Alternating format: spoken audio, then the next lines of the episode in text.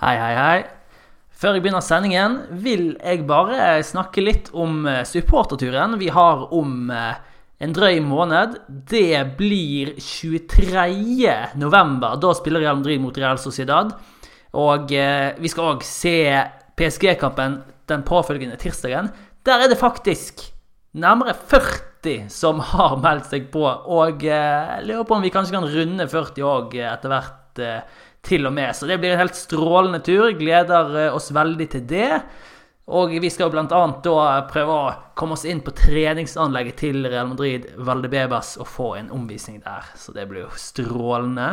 Hvis ikke du eh, har mulighet til å være med der, så kommer det selvfølgelig flere fellesturer. Mest sannsynlig er nyen på våren. Og i tillegg, før jeg begynner, vil jeg takke våre kjære fem dollar patrions, som er Frank Sending, Markus Mortensen, Kent Brandvik, Truls Petter Andersen, Odin Johnsen, Tommy Nesland, Kristian Fosdal og Solveig Nilsen. Tusen, tusen, tusen takk til alle dere for at dere støtter vår podkast med noen ekstra dineros i måneden.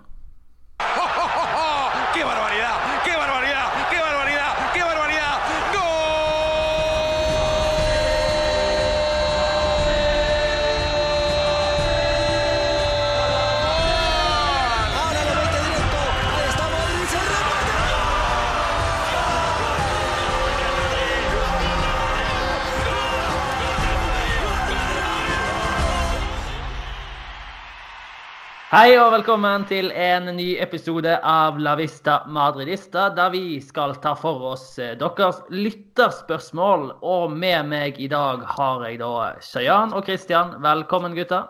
Takk for det. Det har vært en stund siden vi tre sist hadde en eh, podkast. Det nærmer seg vel en, en, måned siden sist. Nå er vi tilbake og skal ta lytterspørsmål, som sagt. Og nå er det jo landslagspause, da. Um, hva syns du om det, Sjøyan?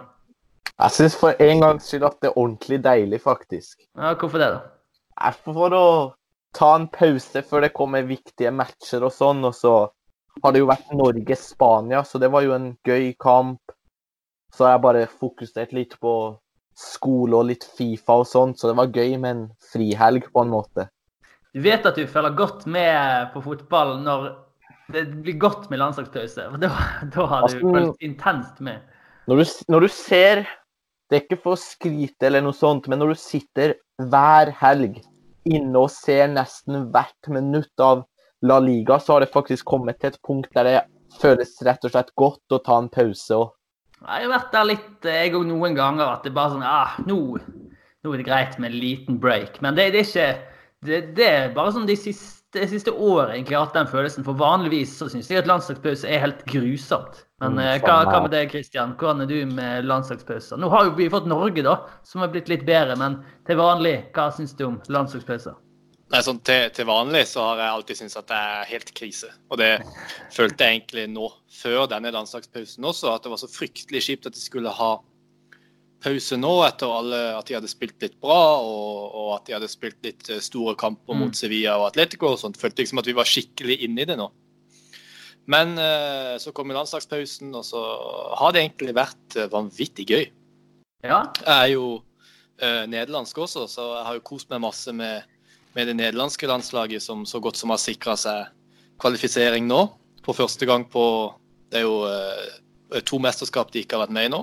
Ja, Det er jo helt utrolig. Det er jo nesten like skandale ja. som alle årene Norge har vært uten uh, mesterskap. Men følger du uh, Nederland uh, tett, altså? Ja, jeg gjør det. Jeg ser uh, alltid de har, har kamper og sånn. Ja. jeg føler de nok like enda tettere enn det jeg har fulgt Norge. Ja, for Norge har vært litt sånn Det har vært litt down av å se Norge lenge. Men nå har det jo endret seg veldig, stemningen rundt Norge. Ja, og det er den andre grunnen til at det har vært så fryktelig gøy med landslagspause nå. er jo fordi at eh, jeg var, på, var jo på Norge-Spania på Ullevål på, på, lørdag. For vanvittig gøy. Og så har de jo ah. den viktige kampen i morgen, som mm. avgjør alt. Ah. Så eh, jeg føler virkelig at nå som EM-kvalifiseringa nærmer seg slutten, at kanskje mm. landslagspausene blir gøyere og gøyere fordi at det står så mye mer på spill jeg, jeg, eh, vet ikke om jeg har lansert den ideen her, men jeg har alltid ment at det er jo grunnen til at vi hater landslagspauser, er jo at de er så stykket opp. Du kommer liksom aldri inn i, i rytmen. Du får ikke den landslagsfeelingen. Med en gang du er kommet inn i det, så er han ferdig igjen, og da skal de tilbake igjen. Så mitt drømmescenario hadde vært hvis Altså VM, da, for eksempel. Det er jo VM alle kampene i én måned. Tenk hvis bare kvalik og gruppespill og alt var bare liksom sammenhengende. Og at Champions League òg var sammenhengende. Ingen ligaavbrytelser. Og at ligaen var sammenhengende. Det hadde jo vært helt uh, sinnssykt bra. Det er jo ikke gjennomførbart selvfølgelig med Norge spiller på vinteren og sånn, men det har jeg alltid tenkt var hadde vært utrolig kult. Men uh, Shayan, hva, hvordan er du på landslag? Altså, Norge, har du et uh, sterkt forhold til de? Nei, det var mange år der det rett og slett var likegyldighet. og mm. Det var sånn nesten gadd ikke engang å se kampen, men mot Spania var det ordentlig, ordentlig gøy. og Jeg har jubla godt når Joshua King skåra på straffen. Mm, mm. Ja, det var helt strålende, det, altså. Ja. Mm. Eh, men i Real Madrid så går det jo faktisk ganske bra. Og det er jo utrolig deilig å gå inn i landslagspausen som serieleder. Altså, det Når gjorde vi det sist? Det, det er klart vi vant eh, serien i 16-17, så det er ikke så lenge siden vi gjorde det bra i ligaen. Men, men det føles likevel som noe som ikke har skjedd så altfor ofte. Um, og da var det litt som Christian sier, at det var på en måte et Jeg tror, jeg vet ikke om Real Madrid helt ønsket den landslagspausen her. Mange lag syns jo det er deilig å få en landslagspause når det kanskje har gått litt dårlig, men Real Madrid var egentlig inne i en god rytme. Og nå er jo spørsmålet da hva skjer når landslagsbussen kommer? Kommer det skader? Og eh, vi fikk oss noen eh, skremmeskudd i går på i hvert fall to spillere. Ja, det var jo helt uh og er plutselig helt krise når Wales møter Kroatia, Bale møter eh, Modric, og begge går av med skade. Mm. Begge to. Ja. Nå uh, viste, det, viste, det, seg å være at Bale bare hadde en krampe. Sikkert spilt mye kamper, han også, så han er sikkert litt sliten. Mm. Uh, og Modric Det var visst ikke snakk om noe alvorlig, så vidt vi har fått med oss i dag. Og de er litt redde for at han kanskje må stå over kampen mot Mallorca, men at antageligvis Han burde være frisk til, til El Clásico helga mm. etterpå. Mm. Og det er jo litt problematisk med disse skadene vi får på midtbanen. Eh, av en eller annen grunn, James Rodriguez han har ikke trent med lag denne uken, som så var, sånn jeg har fått med meg i hvert fall. Han, vi fikk jo eh, som meldte at han ble igjen av egen vilje, at han ville overbevise Zidane og alt det der. Men det virker som han òg har slitt med et eller annet. Så here we go again. altså den, Det midtbaneproblemet det bare ser aldri ut til å gi seg. Men eh, Shayan, nå som Altså, Modric, hvis han ikke er så skadet Kroos kommer vel snart tilbake, han òg. Eh, hvor gale er midtbanesituasjonen vår nå, eh, syns du? Isko er jo tilbake. Hvis vi får Hames tilbake òg. Nei, altså Vanligvis ville det ikke ha sett bra ut, men jeg vil løfte fram Fede Valverde. Mm, mm. For jeg slakta han så mye forrige Altså i forkant av denne sesongen og til dels forrige sesong. Men sånn som han har spilt nå, så mener jeg faktisk at han ikke kan benkes. Så god syns jeg faktisk at han har vært. Og når du i tillegg da ved sida av han får Krås tilbake som er bankers, så føler jeg at det gjør liksom ikke så mye som det ville gjort før at f.eks. Luka Modric må stå over noen kamper her. og Det er spesielt når du har James og Isco. Vi må snakke litt om Fede Valverde. Han har jo vært en liten åpenbaring de siste ukene. Og plutselig så lanserer jo folk han som rett og slett en starter. Og du er jo litt inne på det her, at eh, kan han egentlig benkes sånn som han har spilt nå? Det vi ser, Christian, det er jo at Valverde han gir oss noen kvaliteter som vi ikke har hatt på midtbanen fra før. Ja, det, det gjør han absolutt. Han gir litt mer kraft. Mm. Han gir litt det vi har vært ute etter med, med, disse signeringene. som Vi vil jo ha en, en midtbanespiller med kraft og fart inn på, på midtbanen, og det har han gitt oss. Um, om, det, om, han kommer til å danke ut Modric eh, eller Kroos med det første, det er jeg ikke helt sikker på. Iallfall når begge er skadefrie. Men det gjør jo på en måte hele den eh, Vi har vært så veldig redd for den midtbanesituasjonen vår, men det hjelper jo veldig å se at en spiller som kanskje folk ikke nødvendigvis hadde avskrevet, men iallfall ikke tenkt at han kan styrke oss når ja. Modric og Kroos er skada. Men at han kanskje Det er iallfall ikke en veldig stor svekkelse. Nei, det, det er det er jo interessant. Han kom, jo, han kom jo litt ut av intet. det? Jeg tror ikke det var så mange som så for seg at han skulle ha en så viktig rolle som det han har fått nå. Nei, absolutt ikke. Og det Altså, Zidane har jo vært ganske tydelig på at han har tro på han, og at han iallfall tilsynelatende har mer tro på Valverde enn det han f.eks. har hatt på Dani Ceballos. Mm, ja, Eh, og kanskje Kanskje Zidane er et geni. Og eh, kanskje vi bare må stole på han. Det er jo tydelig at han, er, at han er inne på noe her. Ja, interessant igjen med Valverde. Et annet interessant poeng da er at um, han har jo faktisk spilt ganske mye for Uruguay. Han har vært, uh, han har vært mye inn i uh, det laget der. Um, Sjøl når han har vært på lån i Deportivo del Coruña og altså, hatt en uh, redusert rolle i Real Madrid, så har han fått ganske mye spilletid for landslaget. Så det er klart at det, det virker som at trenerne ser noe i han. Og så Shayan, eh, du, du sa jo det at du har vært litt eh, tvilsom til han. Men hvordan kunne vi ikke være tvilsom når vi har Han har så lite erfaring fra seniorfotball. Men det virker som Zidane liker han. Det virker som eh, Solari liker han.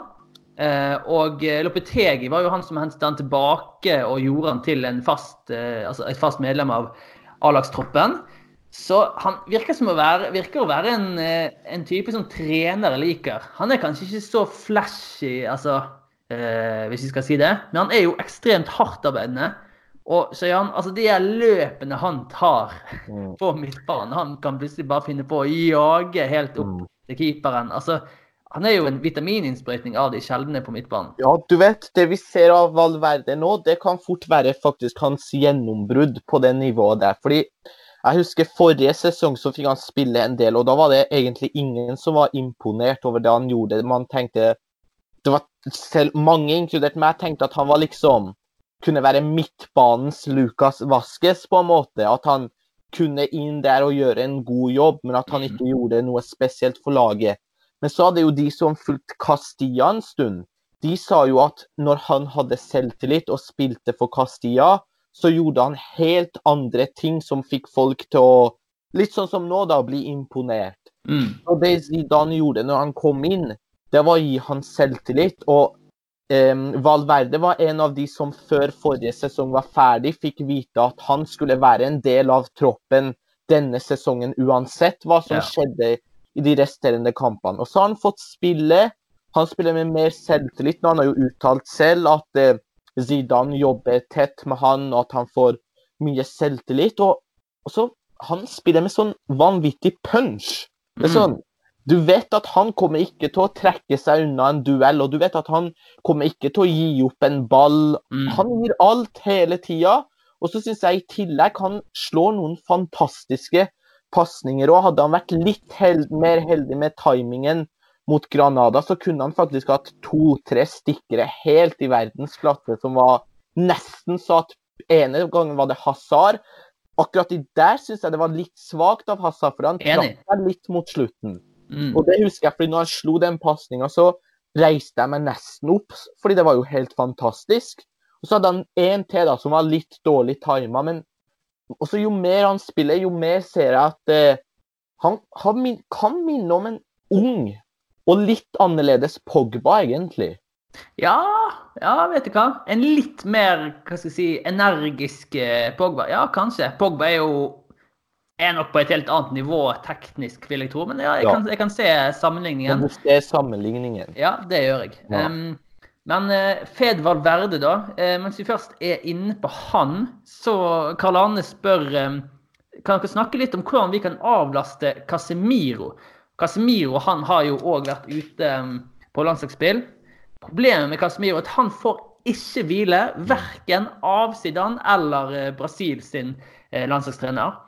Og i tillegg til at han er nødt til å fly jorden rundt hver, eh, hver gang han skal spille for Brasil. Så når han nå kommer tilbake til Real Madrid, så er jo spørsmålet hvordan kan vi hvile Casemiro? Han er jo egentlig den eneste virkelige defensive midtbanespilleren vi har i troppen. Men hva, med Valverde som defensiv midt, eh, Christian? Vi så faktisk at Zidane prøvde på det i hvert fall én kamp forrige sesong. Og mange, uh, Shayan nevnte Castilla. Mange av de som har fulgt eh, Valverde for Castilla, mener at han nesten er best som defensiv midtbanespiller. Hva, hva tror du om Valverde der? Nei, jeg har ikke sett han så mye på Castilla som kanskje mange andre har, men jeg kan godt støtte de i, i det.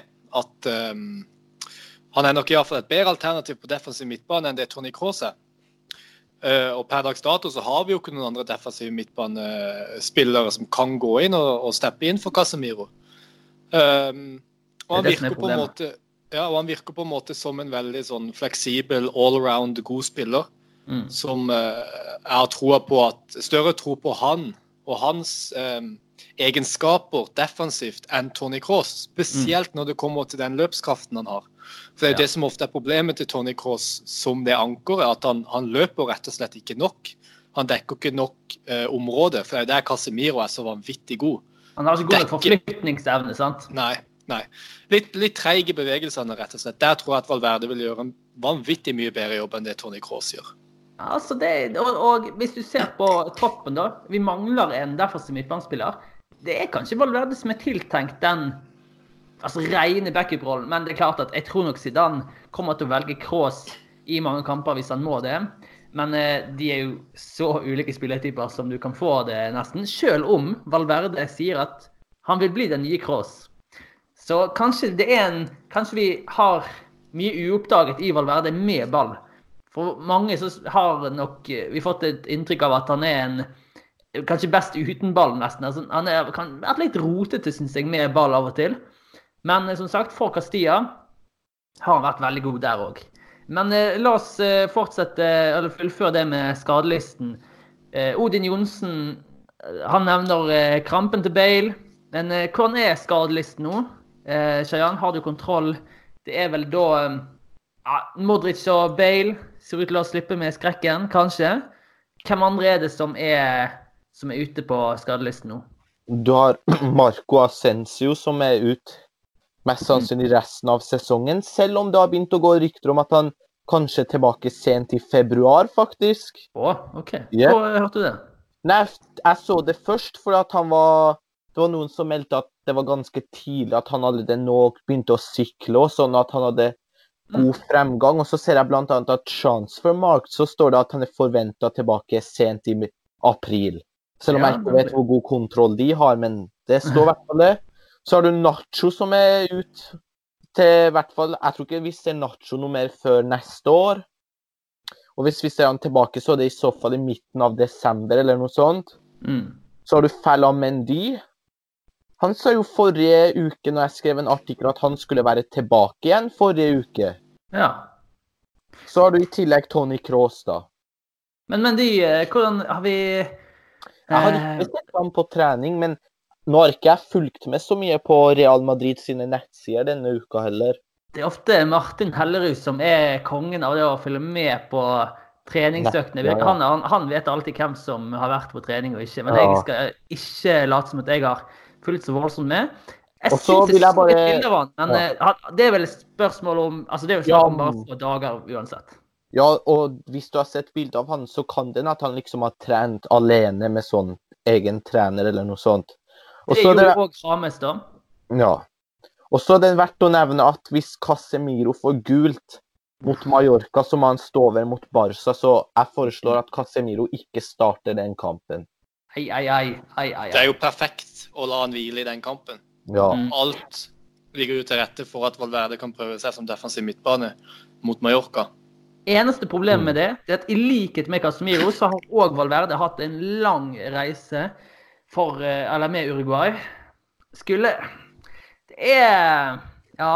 Men det må vel bli Valverde, da. Det må nesten Fordi Cross er òg ute med skade. Eh, det må bli Valverde òg. Det går nok fint, det, altså. Men uh, Valverde defensiv mitt, i lag med Da blir det kanskje Isco, da? Får vi Isco tilbake igjen, tror dere? Det blir nok Isco fra start, siden han har trent mens alle andre har vært på landslagspause og sånt, vil jeg tro. Så da blir det Valverde, Isco og Rames. Rames. Det var Det er ikke bra for det defensive, i hvert fall. Nei, da blir det mye på Valverde alene. Vanskelig å kjøre en 4-4-2 med den varianten. Og det var ikke bra med en skadet Modric, faktisk, når eh, jeg ser på det her. Altså, det blir Isco, Rames, Valverde, kanskje. Fy flate, det Eventuelt er det nå det er duket for Eder Militao på defensiv midtbane. Ja, jeg ser det er noen som har snakket om det, men har han egentlig spilt så mye der, han? Tror ikke det er Det var bare noe jeg sa nå, bare for at det er mange som har nevnt Ja, det. for det er mange som har nevnt det. Men eh, Jeg tror han har spilt det litt. Kanskje sånn noen Ja. få kamper uh, i, i Brasil, tror jeg jeg leste at han har gjort det. Brasil, ja. Nivåforskjeller, absolutt, men uh, ja. at det er mulig at han kan. Ja, nei, hvem vet. Og så har jo jeg lurt på hvor mange skader som skal til før Zidane vurderer å hente opp noen fra Castilla. Men OK, det ser ut til at det skal en del til. Men um, Du, har en, du har jo en del gode defensive midtbanespillere i Castilla, da. Castilla har eh, spesielt en som heter Antonio Blanco, som Ja, er du- veldig lovende defensiv midtbanespiller. Han er jo mer den ballspillende typen, men fortsatt en som jeg mener kunne i hvert fall ha vært på benken, da. I Ja, det var- som sikkerhet. Mm. Det var han jeg tenkte på. Så har du en som heter Baeza òg, men jeg tror kanskje han er mer sentral. Han er litt mer offensiv. Mens Ja. Fidalgo, som er den siste som starter i treeren for Castilla, Mm. han er vel òg ute med skade, men han er, han er mer sånn ren sentral midt. Så Ja, han har jo vært med i Real Madrid-troppen en del ganger, føles det ut som. han eh, har debutert òg, eh, så vidt jeg vet. Mm. Jeg og Martin Hellerud og vi var og trasket litt rundt på Valdebeba som skulle få omvisning der. Så kom Fidalgo inn i rommet. Um, men jeg, og så gikk han ut igjen etter hvert. Men jeg, jeg fulgte så dårlig med på Castilla at jeg visste ikke hvem det var. Så da måtte men si til meg etterpå du vet hvem det var? Det var Fidalgo. Oh, ja. okay. ah, Så der, der var jeg svak. Men um, det blir jo neppe spill på A-laget igjen for Fidalgo før Corp del Rey, tipper jeg. Ja. Um, Solveig Nilsen hun eh, spør om Ascencio, som du nevner. Tror dere Ascencio kommer tilbake fullt fra skaden sin? Eh, I så fall, hva plass får han i laget da? Og eh, det syns jeg er et interessant spørsmål, for det med sånne kneskader da, som eh, pådro seg, det er, det er ofte vanskelig å komme tilbake fra de. Hvordan ser du på fremtiden til Ascencio nå eh, i Real Madrid, Christian? Jeg tror jo at han er tiltenkt eh, en rolle i Real Madrid i mange år framover. Jeg tror jo at han regnes som framtida fortsatt. Eh, Men jeg tror ikke at vi kommer til å se han spille en veldig viktig rolle når han kommer tilbake med en gang. Han kommer ikke til å spille noen rolle i Real Madrid denne sesongen. Det må vi bare være ganske tydelige på. Sesongen hans Eh, den er egentlig ferdig, den. Ja.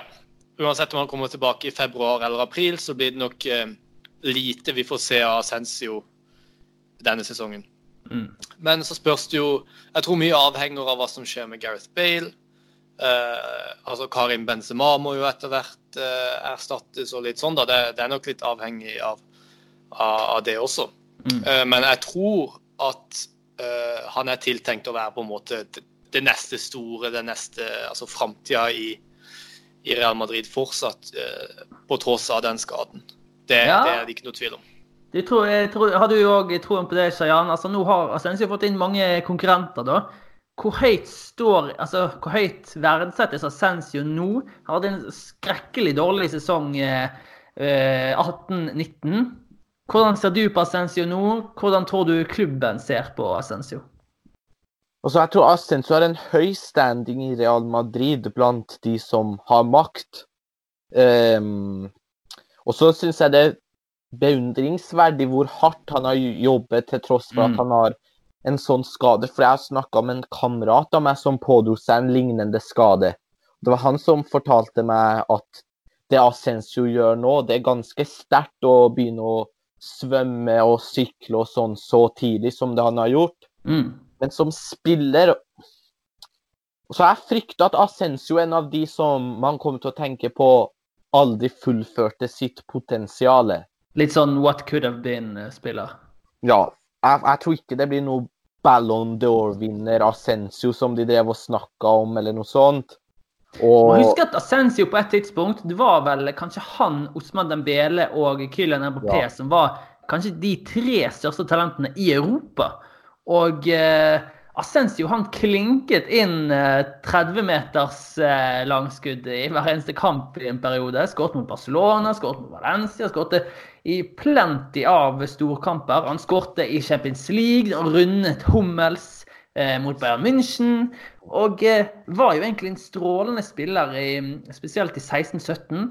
Så kom 17-18-sesongen, eh, og det var en skuffelse for hele laget, inkludert Assensio, som skåret ett ligamål i den sesongen. Det, det understreker litt altså, hvor hvor mye Real Madrid feilet i å erstatte Cristiano Ronaldo når det var egentlig Ascencio som startet sesongen som han, hans erstatter. Det var han som tok plassen i angrepet. Og da gikk vi fra å ha en 50, ja, ikke la oss si 30-40 i ligaen, målspiller i Ronaldo, til å ha en som skåret ett mål. Så det sier jo litt om Christian, hvor katastrofal sesong både Real Madrid og Ascencio hadde. Um, hva syns du sjøl? Altså, nå har jo vi Venicius og Rodrigo kommet inn, spesielt to store investeringer. Hvordan tror du Ascencio står opp mot uh, de, f.eks.? Jeg tror fortsatt at uh, hvis Zidane uh, skal velge mellom å starte Ascencio eller Venicius, så starter han Ascencio. Mm. Og i tillegg så tror jeg at uh, de spiller forskjellige posisjoner. Venicius er soleklart best på venstre kant, det har vi sett nå. Og jeg mener fortsatt at Ascencio er, er helt klart bedre på høyre kant, når han kan skjære inn og bruke, mm. bruke venstreslegga si. Mm. Så jeg ser ikke for meg at de nødvendigvis skal konkurrere så mye om plassene de to da, i, i årene som kommer, men at heller at de, de to utgjør to av tre framme, på en måte. Ja, ja. Uh, men jeg tror at standinga til Ascencio i Real Madrid og hos Zidane fortsatt er høyere enn det Venicius sin standing er, eller Rodrigo sin standing er. Tenk det at um, i løpet av denne sesongen så har vi faktisk uh, Når var det egentlig Ascenso ble skadet igjen? I slutten av juli, var det ikke det? Ja, det var veldig tidlig. Ja. Uh, vi fikk faktisk skade på en spiller som skulle ha vært en starter. For det tror jeg Assensio hadde vært. Jeg tror Assensio hadde tatt høyrekanten. Uh, og eh, nå er det jo Bale som har tatt den, da. Men rart å tenke på at vi har faktisk Gjennom hele sesongen så kommer vi til å være uten en som ville ha vært i elveren, da. Men eh, jeg nevnte Rodrigo, som er en av de som har kommet inn uh, som en utfordrer til Assensio. Fredrik Bjørni han spør hva er egentlig Rodrigo sin beste posisjon på banen. Høyre ving, venstre ving eller rein spiss? Kan ikke så mye om han som spiller. Hva er hans beste sider? Er han for lik Venicius? Og eh, Shayan, hva inntrykk har du fått av eh, Rodrigo til nå? Mitt inntrykk trengte jeg bare egentlig to-tre minutter på å bekrefte, faktisk. Og det mm. at jeg syns Rodrigo faktisk er best på venstrekanten, fordi han bekrefta for meg det jeg har trodd lenge, at han er en elegant avslutter. Ja, for du, var... Du, du, var jo litt sånn, du hintet jo til det. Han hadde en enorm eh, start, den debuten hans. Det kunne ikke gått så mye bedre. Nei, altså hvis altså Bare for å sammenligne, hvis det der hadde vært Vinicius, så er jeg ganske så sikker på at det der hadde ikke blitt noe mål. Mm. Det hadde blitt full fart mot dørlinja et, og et innlegg eller et skudd som hadde gått på tribunenivå fem eller noe sånt. Rodrigo skåret vel etter noe sånn som 90 sekunder etter å ha kommet på banen, stemmer ikke det? Jo, det var rett inn. Et fantastisk løp. Første touch, nydelig. Pang i mål. Ja. Og, så, Det er jo akkurat det som har kjennetegnet han, fordi de som kan mye om brasiliansk fotball, de sier at det, det er to veldig talentfulle spillere, men at Rodrigo er mer utvikla på sånne ting som avslutning, som ferd, liksom, Det å se spillet, ha et bedre blikk på mm. spillet. Mm. Egentlig alt bortsett fra fysikken? Ja, fysikken, ja. Og kanskje, kanskje den råe farta, da. Ja, jeg er litt spent på å se hvor kjapp han Jeg har ikke fått helt sånn Venicius han er bedre på å bruke farten sin. Jeg er fortsatt litt usikker på akkurat hvor kjapp Rodrigo er, men han er nok eh, kjapp. Det er jo ingen tvil om. Eh. Ja. Du sier det at han er best som venstreving. Det tror jeg kanskje vi alle er enig i. Christian. Selv, selv om Rodrigo spilte mest på høyreving i sin siste, sine siste måneder i Santos under San Pauli. Men da var ikke han like bra. Um? Men da var ikke han like bra. Nei, men han ble bedre og bedre. Og han ble faktisk ja. så god at jeg til slutt tenkte OK, han kan faktisk være et alternativ på høyreving. Mm, For før har jeg vært veldig skeptisk til det, og så har jeg sammenlignet med at du bruker f.eks. ikke Neymar på høyre. Du bruker ikke Messi på venstre. altså Neymar, Messi, Rodrigo altså Sånne driblekanter de vil du ha skal skjære innover. De skal ikke være Mm. Lukas Vaskes nummer to. sant? Mm. Så, um, men eh, Christian, hva, hva syns du om, eh, om Rodrigo? Hvor god tror du han er nå? Er han, eh, er han sånn at han kan utfordre Venicius allerede? Jeg syns at han var, har vært vanvittig imponerende i de 15 minutter eller 7 minutter eh, av hva vi så han. Eh, Og han er enig med dere i at han virker som en litt mer utvikla spiller allerede. Han har dette killerinstinktet foran mål. Og det er litt det jeg har tenkt på med Venezia, som alle andre har tenkt. At han har, eh, er god til å drible, men håpløst sluttprodukt. Ja. Og hvis Rodrigo kan tilby på en måte halvparten av det Venicius kan, med den farta og det punchet og den, den eh, Altså det, det iveret etter å gå rett i angrep. Hvis han kan komme med halvparten av det, og ha sånne avslutninger som det han hadde i den kampen der, så vil jeg heller ha Rodrigo på venstrekant enn Venicius. ja. For det er ikke noe mer frustrerende enn å se et fantastisk Real Madrid-angrep Mm. ende opp på andre etasje, fordi at, eller til innkast, fordi at Venicius ikke kan skyte. Ja. Og det er dessverre der han er nå, da. Altså, Venicius han er en så frustrerende spiller fordi på sitt beste så er han rett og slett helt altså, ubegripelig god. Og han herjet med Atletico, han herjet med Barcelona. Han, han var helt ekstremt god under Solari i forrige sesong.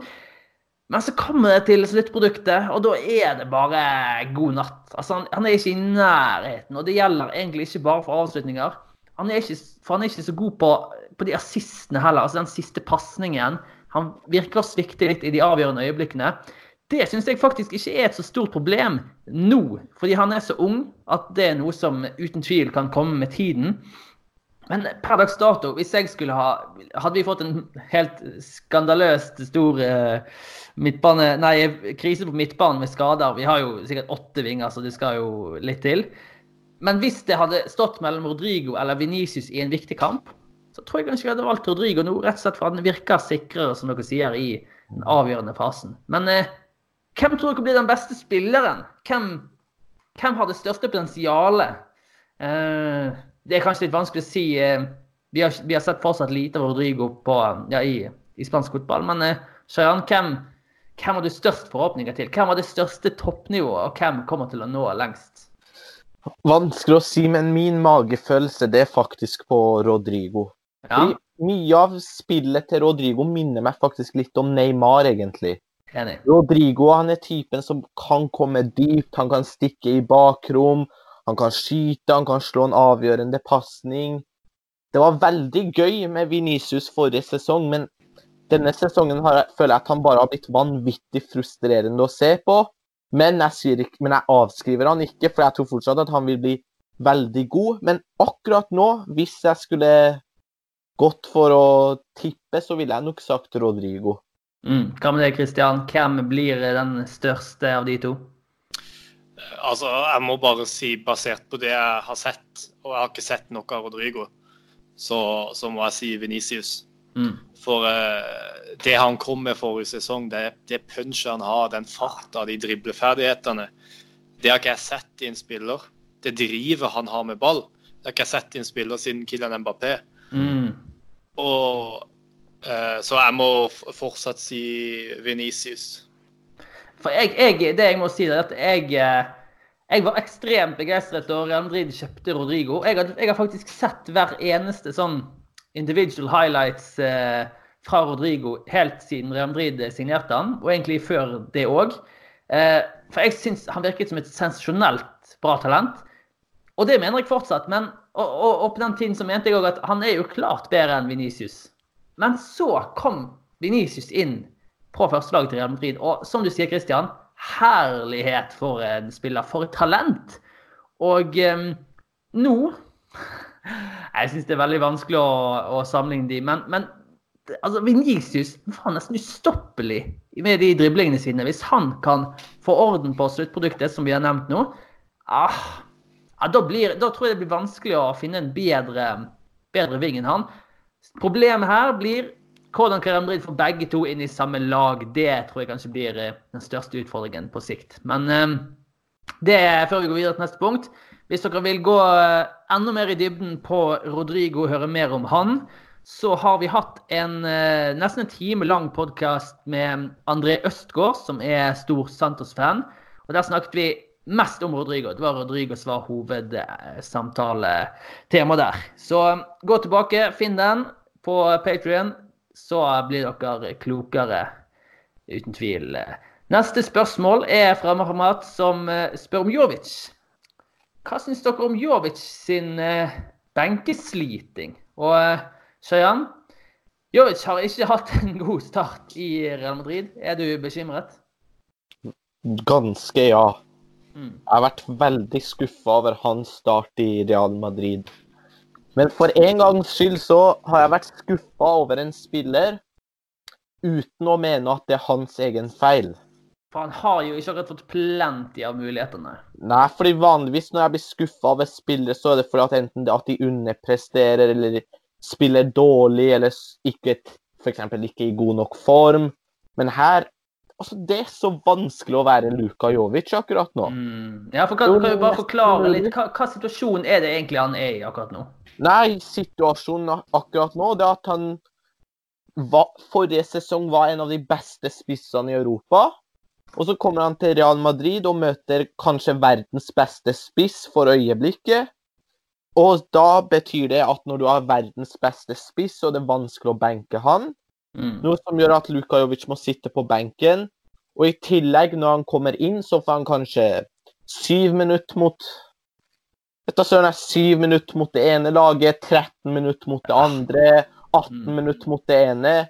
Og når han i tillegg kommer inn, så har han ingen definert rolle, eller så han blir bare løpende rundt der som en, som en ganske forvirra mann.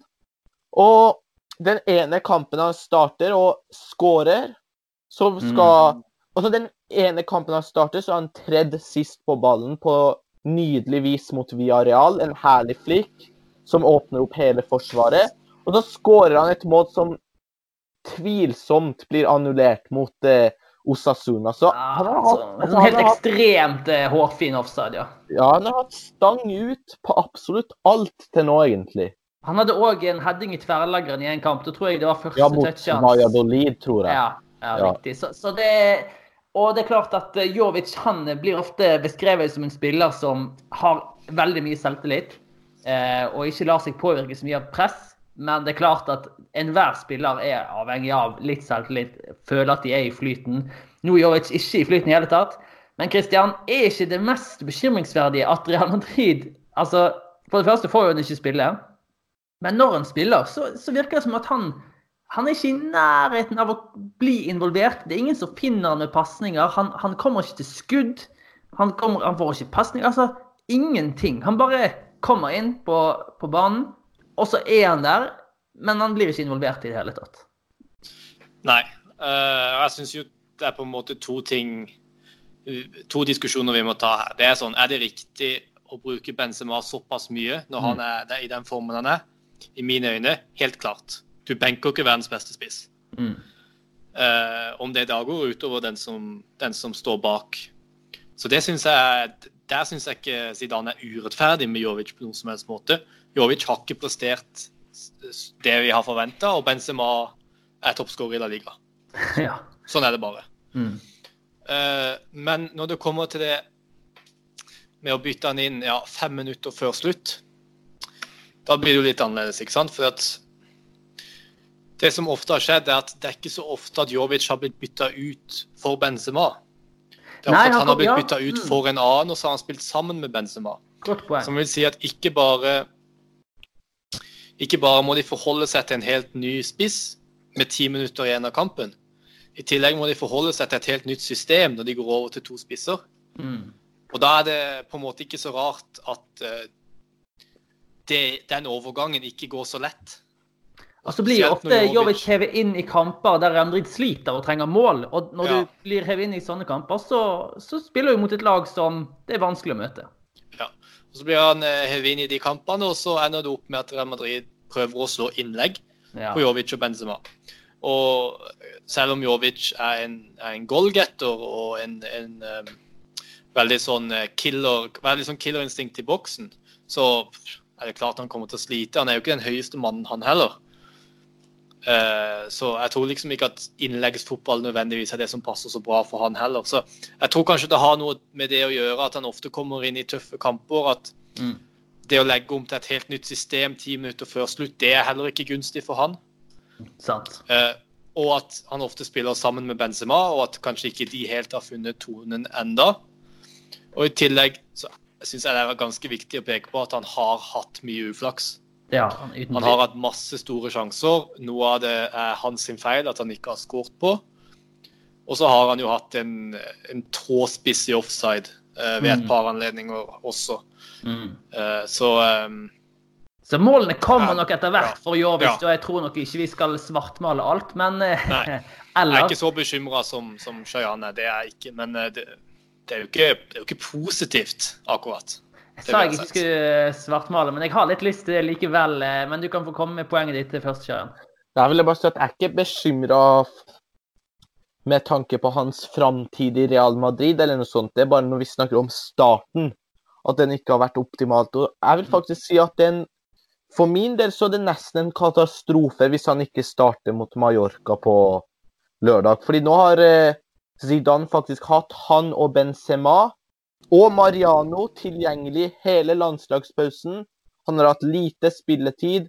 Kampen mot Mallorca vil være den greieste på en stund. Og nå er det faktisk en perfekt anledning til å la han og Benzema starte på topp sammen. Sammen, ja. Ja, OK. Så må vi jo tenke litt på den midtbanesituasjonen vi har. Jeg tror kanskje ikke Isco f.eks. kan være i en dobbel sentral for midten.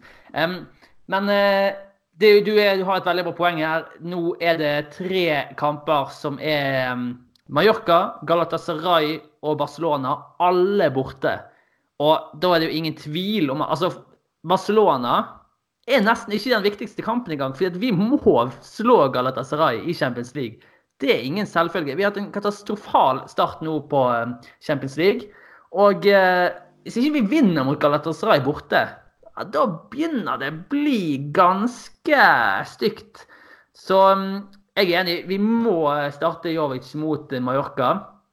Problemet her er jo egentlig at eh, ja, Jovic han har hvilt i landslagspausen, men det har òg konkurrenten Benzema. Så, så Benzema er jo egentlig han er egentlig klar til å starte. Men eh, ja, vi skulle liksom ikke smart, svartmale, men jeg må bare gjøre det litt likevel. For jeg må spørre deg da, Christian. Nå er det snakk om at Real Madrid har en Benzema dependencia, som det skrevet, eh, om, skrives om i spanske medier. Altså, Real Madrid er avhengig av Benzema, for avhengige. Og vi vet at Zidane han elsker Benzema. Jovic kommer ikke til å bli en starter denne sesongen, nesten uansett hva som skjer. Jeg tviler på at han kommer til å klare det neste sesong. Kanskje. Men snakker vi ikke om en periode på to-tre kanskje år her, der Jovic kanskje ikke vil være i nærheten av å kunne starte? Eller er det litt for pessimistisk eh, å se det sånn? Det er nok litt pessimistisk. Jeg tror at eh, ja, Real Madrid har vært avhengig av Benzema. De var veldig avhengige i fjor, og de har vist at de er egentlig det i år også. Men eh, det er vanvittig mange kamper i løpet av en sesong, og det er en lang sesong. Mm. Og Benzema blir, eh, blir eldre. Vi var litt inne på det tidligere i diskusjonsgruppa at han får ikke helt den belastninga fra, fra, eh, fra landslaget. Så, men allikevel så er det Han kommer også til å trenge hvile etter hvert. Og da Men han ser ut til å bare bli bedre og bedre, da. Ja, han ser ut til å bli bedre og bedre, men altså, han, hva er han, 32 år gammel? Ja, han blir 32 i desember. Ja. Og da er det på en måte en, en spiss på dette nivået mister fort den der Grunnen til at eh, noe av eh, det som gjør Benzema så bra, er litt det der eh, eksplosiviteten han har i, i vendinger, finter, ikke sant. Litt Ja. sånt. Og det mister man ganske fort når man kommer i den alderen. Så jeg tror at Jovic kommer til å få spille ganske mye utover denne sesongen. Han trenger tid til å venne seg til spillestil, han trenger tid til å venne seg til språket. Han snakker Mm. vel ikke spansk fra før. Han trenger tid til å venne seg til byen, ting som dette her tar tid. Vi kan liksom ikke forvente at det klaffer med en gang. Det gjorde det ikke for Karim Benzema når han kom til Real Madrid heller. Det er helt sant. Ja, ting tar litt tid. Og eh, det tror jeg, jeg tror det er det som er tilfellet med, med Luka Jovic nå. og jeg tror at om ikke han danker ut eh, Benzema før neste sesong, så tror jeg iallfall at han blir en, en eh, reell utfordrer. Ja, for nå er han litt sånn glorified Mariano. Altså kommer inn, og han koster mye og skal liksom ha en viktig rolle. Og får nok starte en del kamper, men kommer nok til å bli vanskelig for han å komme inn i rytmen. Og eh, jeg, jeg, vet ikke, jeg. Altså, jeg er ikke like optimistisk. For jeg tror ikke som sagt at han kommer til å starte den sesongen. Jeg har vanskelig for å se for meg at eh, ikke Benzema er en klar starter når vi starter neste sesong. Og når de, når de kommer til de største kampene, så må bare Benzema spille. Um, men så ting endrer seg fort i fotball da. Og eh, klart at hvis Jovic nå plutselig kommer inn i en kjemperekke og Vi husker jo Morata kom inn fra benken en periode og skåret hver gang i den eh, 16-17-sesongen. Hvis Jovic får en sånn flyt, så er det klart at eh, Real Madrid må begynne å tenke skal vi prioritere fremtiden, eh, f.eks. Men eh, du kan ja, Jeg syns ikke, ja. ja. ikke, vi skal undervurdere det at ting tar tid, at det tar tid for han å, å, slå seg til rette. For Hvis du sammenligner med de andre spillerne vi har henta, så har jo Mandy og alle disse Halvparten av laget snakker jo fransk. Ja. Mm. Uh, Militao har jo også disse brasilianske guttene å, ja, å prate med. Så jeg syns ikke vi skal undervurdere hvor vanskelig det kan være for han, den eneste som snakker serbisk, og, og på en måte stå seg til rette i denne gruppa og bli komfortabel. Ting tar tid. Mm, mm. Nei, vi får bare håpe at eh, det ordner seg, det her. For uh, Jovic han var en stor investering. 60 millioner euro. Han er jo tiltenkt uh, spissrollen i mange år framover hvis alt går etter planen. Men hvem vet. Vi går videre til neste spørsmål fra Espen Wallin. Han spør om status på unggutter. Og Ødegaard har vi jo full oversikt på, sier han. Men hva med Brahim? Hva med Takfusa Kubo? Hva med Ashraf Hakimi? Hva med Lunin? Rodrigo i parentes, han vi snakket om allerede. Um, ja, Shayan. Kan begynne med Brahim, da. Hva er det egentlig som skjer med han? Han er jo forsvunnet helt. Ja, han har jo trent i ganske lang tid med laget nå, men han blir ikke tatt ut til kamptropper. og Zidane uttalte jo selv at det er noe av det verste som kan skje en spiller, men at eh, han kommer til å få bruk for alle denne sesongen, og at eh, han bare må smøre seg med tålmodighet. Så det er ganske sykt, egentlig, hvor mye Brahim har på en måte falt i status bare pga. Ja. den skaden. Fordi i forkant av sesongen var det enkelte som snakka om at han kanskje kunne bli fast høyrekant i år. Og, og det nå... er kanskje ikke så rart, faktisk, fordi han spilte mye under Zidane i sesongavslutningen. Ja, han var jo helt fantastisk òg, mens nå så blir han ikke engang tatt ut i kamptroppen. Og nå spekuleres det i at det beste for han vil være et utlån i januar. Men Hva tror du har skjedd der? For det har jo bare vært en så utrolig stor vending.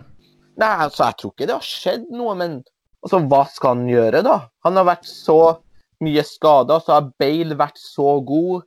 Og Real Madrid til nå, de har faktisk hatt en del tøffe kamper. Sevilla, Atletico Madrid. Men liksom jeg tenkte jo kanskje mot Klubb Brugge at det var en fin mulighet til å ta ham med der.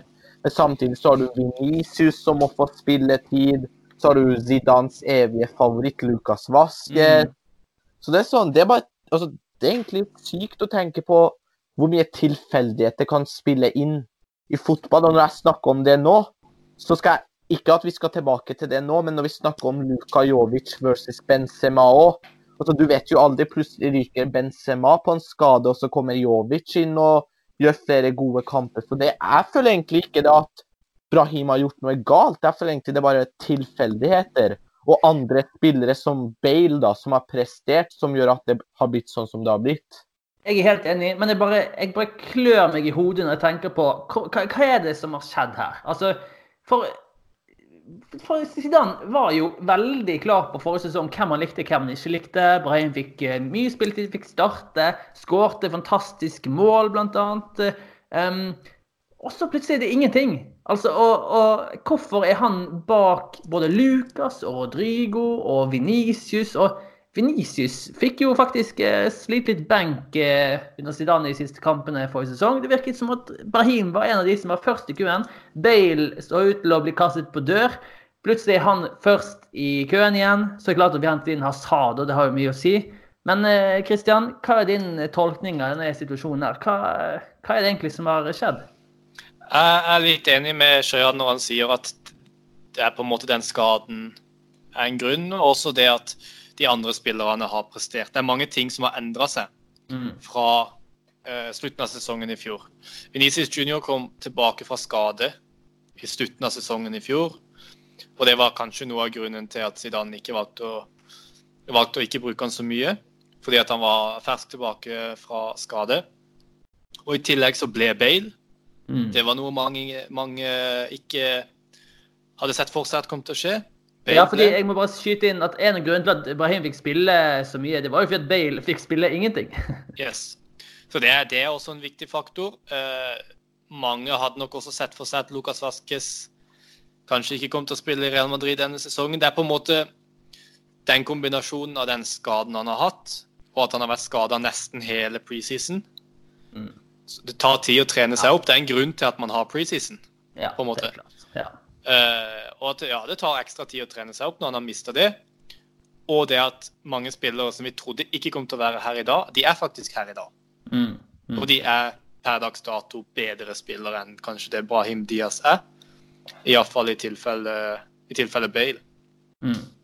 Så det, jeg tror det er det som er grunnen. Det, ja, bare liksom, ikke et eneste minutt. Det er jo egentlig helt utrolig. Men, men jeg er glad for at du En ting jeg syns folk mangler nå, spesielt hvis du leser på Twitter. altså se ting i kontekst. Se et totalbilde. Ta, altså, hva er det som sant? Helt riktig at jeg trekker inn forrige sesong. Da hadde Venicius skade, da var Bale ute. Vi må, vi må se ting i, i, kontekst. og Sånn sett så, så, gir det kanskje mening at Brahim har fått lite spilletid. Kanskje overraskende at han fått, har fått null minutter, men at han har fått lite spilletid, det er kanskje bare naturlig. Så får vi jo håpe at det snur, at situasjonen blir snudd for da for Brahim, men ja. Eh, vi får bare vente og se.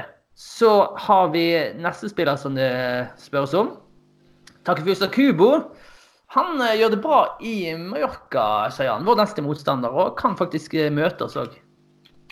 Ja, den, altså Bra og bra. Han, altså, han spiller jo greit, men statistikkmessig så har han ikke helt kommet i gang enda. Nei, men han har hatt en bra kamp mot Atletico. Ja, han har spilt Han har hatt en del gode perioder, men han har faktisk bare starta to kamper i år for Mallorca. Mm. Og det var mot Atletico Madrid og Alaves. Ja. Og han viser glimtvis hva som bor i han. Har jo notert seg for en målgivende pasning. Og vunnet straffespark. Jeg tror det var et viktig straffespark òg, husker ikke når det var, men ja. Nei, så Cuba har hatt en fin start på La Liga-tilværelsen. Og Det vi må huske med Takufusa Kubo, er jo at han som du sier, er bare 18 år. Altså, og, og, det er ikke sånn at han blir 18 år neste uke. Han fylte faktisk akkurat 18 år nå i sommer. Så altså, han er så ung fortsatt at eh, det at han er bare er i nærheten av å kunne starte for et La Liga-lag, det er jo helt utrolig. Og Kristian, eh, har du latt deg imponere av Takfusa? Det er vel kanskje vanskelig å ikke bli imponert over hva vi har sett både i Copa America og i preseason og nå for Mallorca. Ja, spesielt i, i preseason var nok det da jeg så han mest. Da var jeg jo veldig, veldig imponert. Uh, og det er viktig å huske på at Mallorca faktisk har vært helt håpløse i sesongstarten. Og mm. kunne ha vunnet én kamp. Um, det er et av de et ja, et av bunnlagene som uh, kan uh, stå i fare for å rykke ned denne sesongen. Ja, absolutt. og at Ja har kanskje ikke tatt La Liga med storm ennå, men han gjør det iallfall ikke gjør det iallfall ikke veldig dårlig og presterer på en måte på et greit nivå til å være såpass ung som han er. Kanskje ikke den mest attraktive fotballen, kanskje ikke det laget som passer han best heller. Mm. Han er jo kanskje Vi har vært litt inne på dette før, da, at, at eh, lag i bunnen av La Liga vil jo gjerne ha spillere som kan skåre mål og de er på en måte avhengige av mål, og Kobo er kanskje ikke den mest målfarlige spilleren i La Liga. Kanskje Nei, det er sammenheng med, med, det også. Så ut ifra forutsetningene, ut ifra alderen, ut ifra hvilken klubb han spiller for i La Liga, Mm. så er det jo imponerende. Ja, Vi har jo vært gode på å trekke inn kontekst her i dag. Hvis vi skal gjøre det her òg, så Mallorca, som du riktig påpeker, ikke er beste laget i sesongstarten. 18.-plass, de er under nedrykksstreken. Em, de har skåret seks mål. Så, så Jan, hvis det stemmer det at eh, Takfus har vært involvert i minst to mål direkte Han har stått for to av seks skåringer, og kanskje han har vært involvert i ett til. Jeg vet ikke. Så, sånn sett så var det kanskje ikke så gale med tanke på at han har startet eh, kun to kamper. Og så må jeg òg si en annen ting eh, med Takfusa, da. Han, i likhet med Casemiro og Valverde, som vi har nevnt, han må jo reise veldig langt når han skal på landslagsspill, og kommer gjerne seint tilbake. og Dermed da blir det òg naturlig å sette han på benken etter landslagspausen. Så mange faktorer å ta hensyn til her. Men jeg, jeg syns egentlig jeg er fornøyd med starten hans. Jeg var redd for at han skulle bare bli stått helt på benken. Vi har jo sett i et lag han holdt på å gå til, Real Valladolid. De har lånt tre Real Madrid-spillere, tror jeg.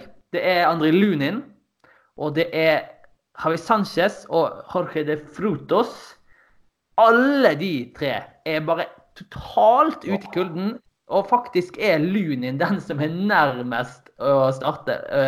Og han er på benken. For de to andre som jeg nevnte, de er på tribunen. Så altså, hva, hva som har skjedd her, det er jo Jeg aner jeg ikke. Men uh, vi kan jo gå videre på Lunin da, Shayan. Hva, hva tenker du om hans situasjon? Ble satt på benken i hele forrige sesong for Lekanes. Here we go again. Altså, det var noe mesterskap i sommer, var det ikke det? da? Der han ble kåra til den beste i, i mesterskapet for Ukraina. Var det U20-VM eller EM eller noe sånt? Ja, ja, Jeg føler at det er noe sånt hele tida, så jeg er ikke helt kontroll. Men vet du hva? Jeg blir faktisk forbanna.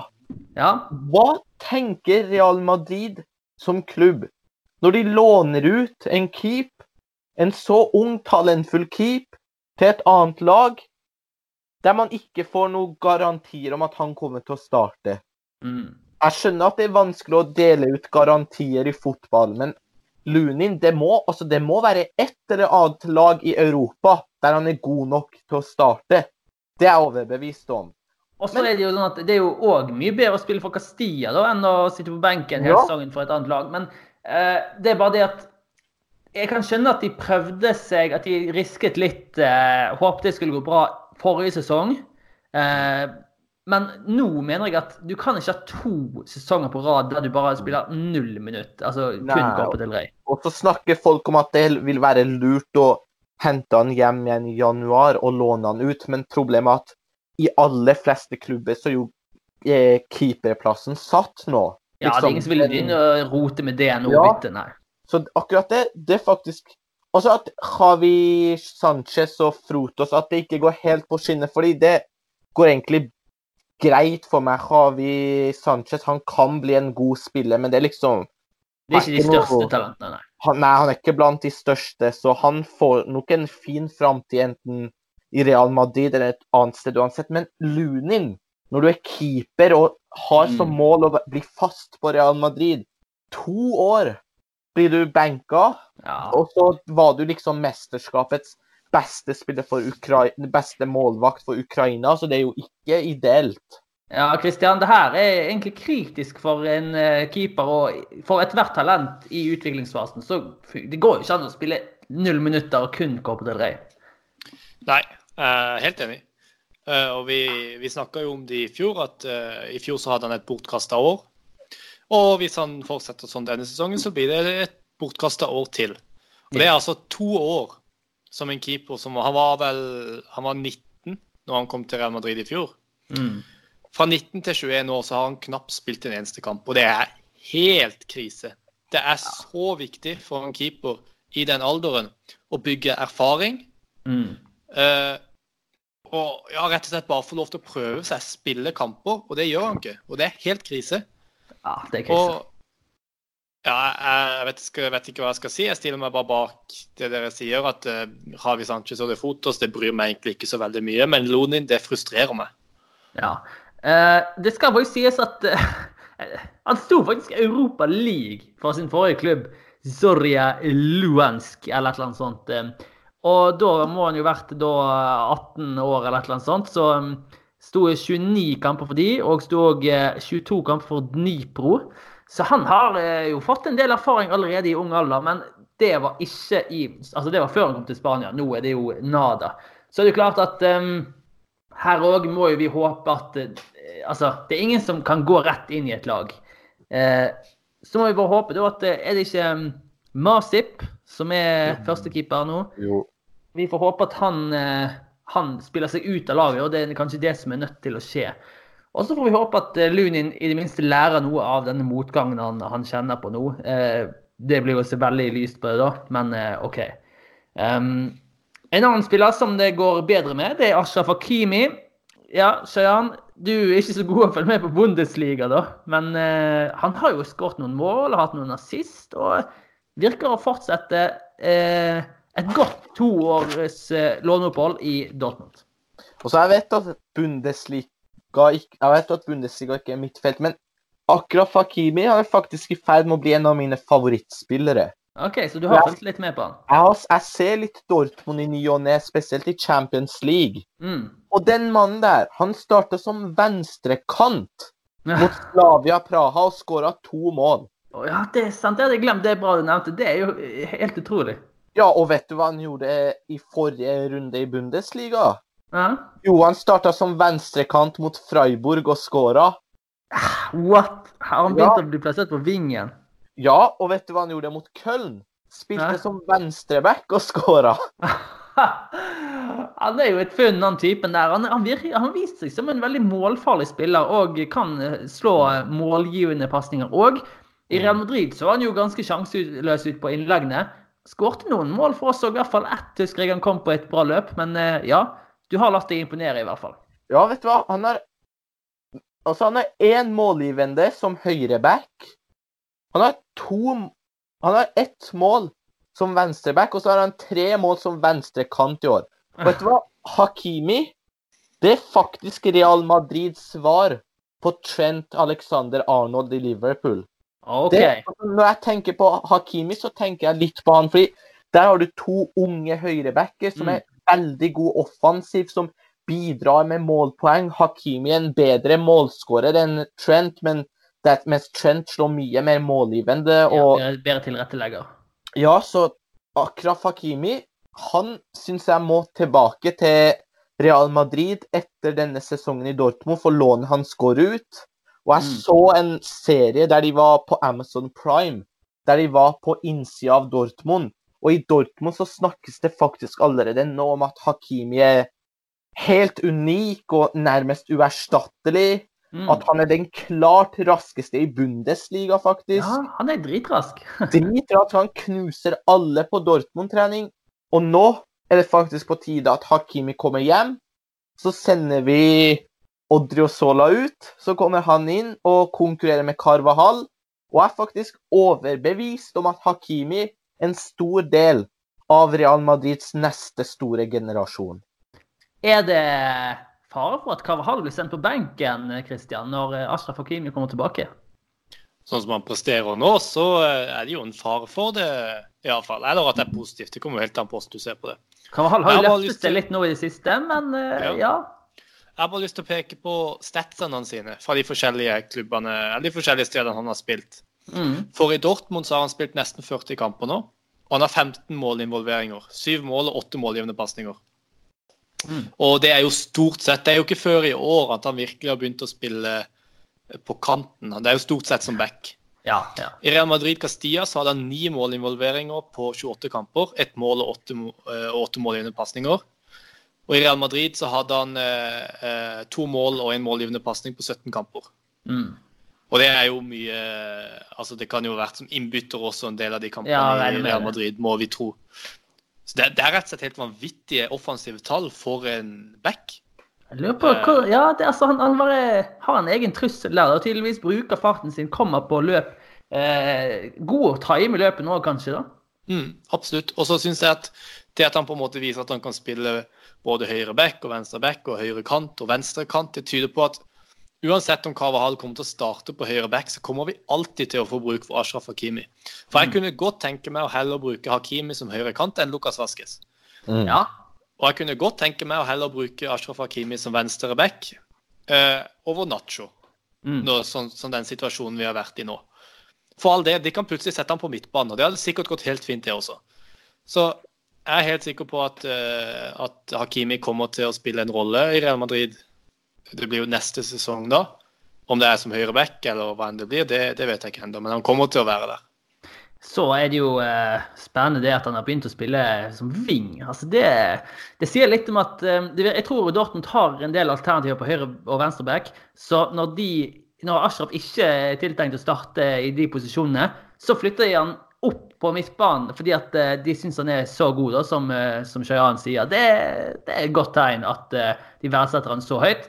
Det var en Dortmund-fan som jeg har snakket litt med på Twitter, som forrige sesong sa at han kunne gjerne tenke seg at Dortmund kjøpte Ashraf Hakimi for 80 millioner euro. Så han var kanskje litt i overkant begeistret, da, men det sier jo litt om hvor glad de er i han. Um, men da, så har vi òg um, Ceballos og Regulon og Ødegaard. Um, tror ikke vi skal gå så mye inn på de. Um, jeg, jeg tenker kanskje vi skal prøve å få tilbake gutter fra Managing Madrid, Kian Subani og Matt Wiltsey, som vi hadde for eh, en stund siden. Uh, de ser jo alle lånespillerkampene, altså alle kampene til Arsenal, alle kampene til alle lag Dortmund og Real Sociedad. og Helt vanvittig. Så prøv å få de tilbake på um, podkasten, kan vi ta et eh, bedre dypdykk der. Og så vil jeg bare nevne um, en litt spesiell greie. Jeg skjønner ikke helt hva som har skjedd her, men Real kjøpte jo en som heter Alberto Soro. Ungt talent i, fra Real Saragossa, som nå eh, Nå har jeg ikke satt meg inn i situasjonen, men han, han spiller ikke. Og det er jo utrolig merkelig. Jeg skulle tro at han var klar starter i det laget der. Jeg vet ikke om han har blitt vraket fordi han har blitt enig med et nytt lag, eller hva som har skjedd, men veldig rart. I tillegg har vi Borra Majoral, som klamrer seg fast i La Liga i Levante. Eh, og han, han, blir jo nesten helt sikkert solgt eh, etter sesongen, da. Um, og så har vi Lucas Zidane, som faktisk òg eh, har visstnok gjort det bra for Racing Santander denne sesongen. Um, men um, jeg tror vi går eh, mot slutten her av uh, denne delen. Og vi kan gå på ukens refleksjon. Er det noe vi har tenkt over den siste uken? Det har jo vært mer tid å tenke på enn vanlig nå uten fotball, klubbfotball. Ja. Skal vi begynne med Shayan? Har du, har du en, en, tanke klar? Det er to ting. To korte ting. Ja. Det ene er at hvor sykt er det ikke at Sergio Ramos nå er den mest spillende spilleren for det spanske landslaget med 169 eller 8 kamper, hvis ikke jeg tar helt feil. 8 tok rekorden til Casillas 167 av han. Jepp, og for de som vil se nærmere på det, så har Real Madrid lagt ut en tribute på sine nettsider på 20 min, der bl.a. Casillas, Raúl, Michel og sånne legender snakker om han og hvor mye mm. han har betydd for spansk fotball. Og han får jo ros av alle fra alle store spanske spillere nå, så det var gøy å se. Mm. Og så en liten ting nok en gang om overgang. Vi blir jo aldri lei av det. Men vet du hva? Sett i ettertid Jeg tror faktisk ikke det er så altfor dumt at vi styrte unna Neymar likevel. Fortell Fordi, hva som har skjedd nå. Det, siste, som, ja. det jeg så nå, da at Nei, det er ikke noe det er ikke noe utenfor banen jeg tenker på nå, altså. Nei, ikke jeg heller, men Han er ute med skade. Det var det jeg òg så. I år så lenge òg, ja. Ja, det, det, jeg fikk opp varsel nå i fire uker og går glipp av flere champion, to Champions League-kamper. Og tenk hvis vi hadde brukt så mye cash på en så kontroversiell spiller, og så hadde han i tillegg vært skada, fordi det ser faktisk ut som at han er like skadeutsatt nå som han var forrige sesong. Det hadde ikke Mm. gått bra. Så det var bra at Barca ikke fikk han, og det var kanskje også bra at vi heller ikke brukte mye cash på han. Jeg tror best tenkelig scenario er at han bare ble værende i PSG. Ja. Greit nok at han sliter mye med skader, eh, og at vi derfor helst ikke vil bruke så mye penger på han. Men vi vil jo ikke ha han i Barcelona heller, da. Altså det... For også skal det sies at Neymar har vært strålende, har jeg hørt, i Ja. sesongstarten. Ja. Men når han er så skadeutsatt, hva er den reelle verdien hans? Det er jo litt interessant å diskutere. Det trenger vi ikke ta nå, men eh, nærmere to milliarder, det vil jeg ikke ha gitt for noe, nei.